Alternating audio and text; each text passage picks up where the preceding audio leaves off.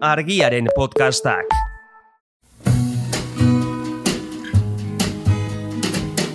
Don't know much about history. Don't know much biology.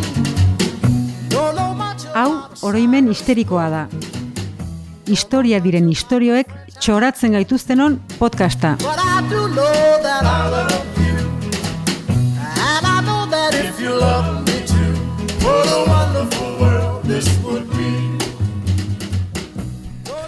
Egun honet punto, mm, Gabon agora, E, Arratxaldeon, Asier? gaixo, ongi etorri. Auroimen histerikoa da eta gaur, e, jende mota berezi batez hitzein behar dugula uste dut, ba, inoratzean izan gabe, adibidez borra bat eskuan dutela, ba, korrika kalera ateratzen, ba, kalera korrika egitera ateratzen den jende, jende mota horretaz. Ez dakizu multzo horretakoa zaren. E, bai, baino tarte oso laburrean aurten, e, lehelengoz eta uste dut azkenengoz, e, izena eman dut lilatonen, eta damutzen ari naiz dagoeneko. Oso, oso ikoa. Bueno, gaur Euskal Herriko Kirol Nazional berriaz pizkatitzen behar dugu, edo Cosmo Paleto eraz esan da, ba, running, footing, eta alako gauzetaz, eta bereziki edo zehazki modalitaterik eragian ezagunena, mara, maratoiaz. Hori da, eta maratoia hitz egiteko, nundik hasiko gera, ba, maratonen, ez? Hasieratik. Maratonen, Grezian, e, kristorreko larogei, e, lareunda larogeita margarren urtean. Eta urte hortan, atenastarrak eta pertsiarrak elkarren aurka borrokatu ziren, maratongo guduan, e, atenastarrek irabazi zuten, eta garaipelan lortuta, Filipides soldadua atenasera bihali zuten, berri ona ematera, eta kondairak dionez behintzat, e, ba hori, maratonetik atenasera dauden berrogeita mar kilometro inguru hori korrika egin ondoren, iritsi zen, irabazi dugu esan omen zuen, eta antxe hil zen nekezia jotan. Gara. Garai bateko telegrama, telegram edo whatsappa zen e, Filipides, ezta? Filipides zen emerodromoa. Emerodromoak ziren eh, antzinako Greziako e, mezulari korrikalariak eta beraz e, esan dezakegu Filipides korrikalari profesionala zela. Orduan zergatik hiltzen berrogei kilometro korrika eginda. Kontua da, aurreko biegunetan e, berreunda berrogeita mar kilometro inguru eginarazi zizkiotela, gero gainera guduan ere borrokatu behar izan zuela, eta orduan ba normala bizirik ez ateratzea, Hmm. Eta azkenean e, berari geratu zitzaiona da, pues, gaur egun e, emerodromo garaikide askori, esaterako Amazonekoi gertatzen zaiena, ez? Da, esplotatua daudela. Mm, Bai. Ados, bueno, langileen esplotazioa antza ez da asko aldatu mila eta bosteun urte hauetan, eta aldatu ez dena, edo aldatu dena, horren ergituko dugu da, maratonen distantzia. Hori da, e, maratoiaren distantzia gaur egun da, be, dira berrogeita bi kilometro eta eunda larogeita bost e, metro. Berez, e, maraton eta Atenasen artean berroi kilometro inguru daude, eta lehengo maratoi mo, e, modernoetan, lehengo joko olimpiko modernoetan, maratoia egin zuten berrogei kilometro ingurukoa metroa gora, metroa bera. Baina, Baina monarkia britainiarra etorri zen, era, eta e, pues, ark luzatu zuen lasterketa.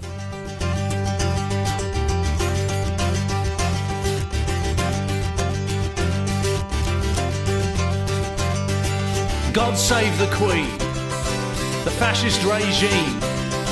They made you a moron, a potential H-bomb. God save the Queen, she ain't no human being, and there's no future in England's dreaming. Well, don't be told what you want, and don't be told what you need. There's no future, there's no future, no. Ba, bi, e, mila bederatzen da zortzian, e, Londreseko joko olimpikoetan, Windsorretik e, Londresera berroi kilometro inguruko ibilbidea egina izan zuten, maratoierako, aprobetsatu zerrege familia Windsorren bizi zela. hmm, Orduan, e, lasterketa errege jauregitik abiatuta, eta e, White City estadiora bidean, guztira ba hori, berrogeita bi kilometro eta eunda larogeita mabost metro egin behar zituzten. hmm, Zertarako, errege familiak etxetik atera gabe, leiopetik, balkoitik, ikusteko. Azkenean da, atletei aleginik handiena eskatzen zien e, lasterketarako aukeratu zuten errege familiari alegin gutxien eskatzen zion e, distantzia. Berriz ere, monarkia, uberales, ez? Ba, eta pentsatuko dugu, bueno, berroi kilometro eginda zer dira bi kilometro gehiago, ez? Ja. Ba, nik uste dut, eh, maratoian historian, maratoilari asko berrogei kilometrora iritsita gogoratu dela errege familiaz, eta beren arbaso guztiez, eta besteak beste urte hortan bertan. Mila batzion da zortziko maratoi hartan, Dorando Pietri, italiarrak, e, hogeita maretzigarren e, kilometroan, hartu zuen lasterketa burua, eta berroi garren kilometroan ere errazari zen, baina estadioa iristean, ba, patxalaldi bat izan zuen, behin eta berriro erori zen, eta ingurukoek, inguruko gizonek, pues, lagundu zioten altxatzen, ez? Eta artean gaina zegoen e, personaje ezagun bat, Arthur, Arthur Conan Doyle idazlea. Ara, Eta hori argazkitan gaina argazkia badaude, eta argazkitan ikusten da nola lagundu zioten, irabazi zuen, baina gero azkenean deskalifikatu egin zuten, ba, ezin dutelako atletek eh, kanpoko laguntzari jaso. bueno, deskafili, deskalifikatu bai, baina egunero, ez du, ez zaitu altzatzen laguntzen Sherlock Holmesek, ez? Hori da, hori da. Bueno, horrekin, sari horrekin gera dadila, gizona zikera. Bai, eta bueno, ikusi dugu maratoia luzatu zuela errege familiak, baina maratoi luzena agian emakumeen maratoia izan da, Hm. hain zuzen ere maratoia egitea lortzeko. Eta esan dezakegu Pierre de Coubertin, ez? E, olimpismoaren aita, Mhm. eta arke espiritu olimpikoa kutsatu zuela, baina mm, espiritu misoginoa esan dezagun ere bai, Mm, bai. Orduan datu bat, e, mila zortziko joko haietan, guztira 2000 eta hogeita bost atletek eh, parte hartu zuten, eta hoietatik hogeita hamasei bakarrik izan ziren emakumeak.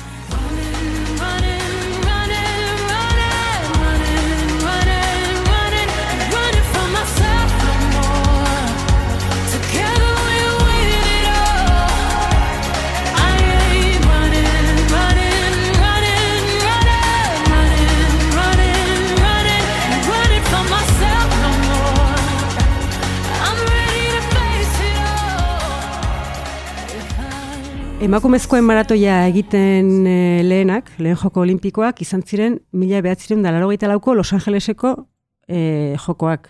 Hau da, Atzo. atzo, hori da, atzo. Erreferentzia bate jartzeagatik, orantxe entzun dugu Beyoncé kantatzen, ez? Ba, Beyoncé ja- jaio zenean, orain dikan, maratoi, emakumezkoen maratoia etzen, etzen kirol olimpikoa. Ja.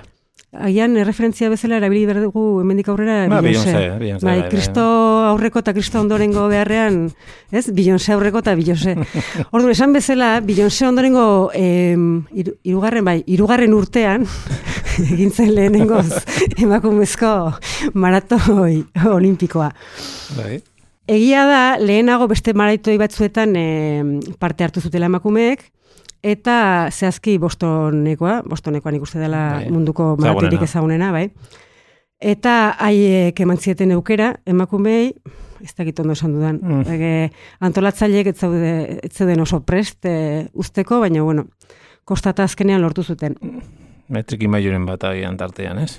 Bai, e, lehenengoa izan zen mila batzion da irurogeita seiko apirilaren emeretzian, eta Bobi Gip izeneko hogeita urteko neska gazte batek, e, erabaki zuen, pues, anaiaren xortak eta txanodun jertxe bat e, jantzi, eta abia puntuaren inguruan, ba, zuaizka baten atzean gordetzea. Ja, ikusi zuenean korrikalari desente erdia edo pasa zirela, erabaki zuen e, lasterketan sartzea, Orduan ingurukoa konturatu ziren e, emakumea zela eta erabaki zuen, ez? Txanodun jertxea kentzea eta eta bueno, eta azkenean e, lortu zuen e, Amaiera heltzea. Bai, eta gaineraneko denbora ona eginez, hiru ordu, hogeita bi minutu eta berrogei segundu. Eta gainera, pues, horik horrekalari gehienek eta eta publikoan ere, pues, ez, txalo artean jaso zuten, eta gaur egun egia da onartzen diotela, ez? E, Lehen emakume bezala. Bai, baina gara hortan ez, eh, dortxarik ere zeukan, hau da, izenik etzun eman. Desobedientzia. Bai, bai. Ez? Eta horrengo artean gainera berriro atera zen. Eta antzeko demora egin zuen, eta baina urte hartan, irurogeita zazpiko e, bostongo maratoian, beste emakume bat ere atera zen. Catherine Switzer, ez zuen nahi denbora ona egin, ordu bete gehiago edo bere izan zuen, baina beste marka ba hori, garrantzitsu bat utzi zuen.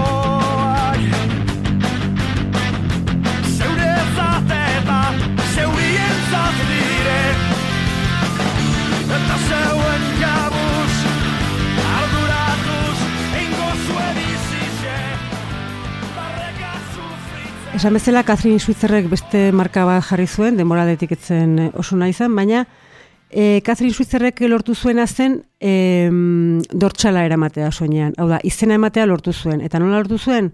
Beste trampatxo bat, seguru. Bai, e punto gure makinistak bezala, berak ere e, inizialak erabili zituen, eta K punto, V punto, Switzer e, inizialak e, erabiliz e, lortu zuen Ja. e, dortxala. Izenik gabe ez omen du genororik, ez? Hori da, hori da.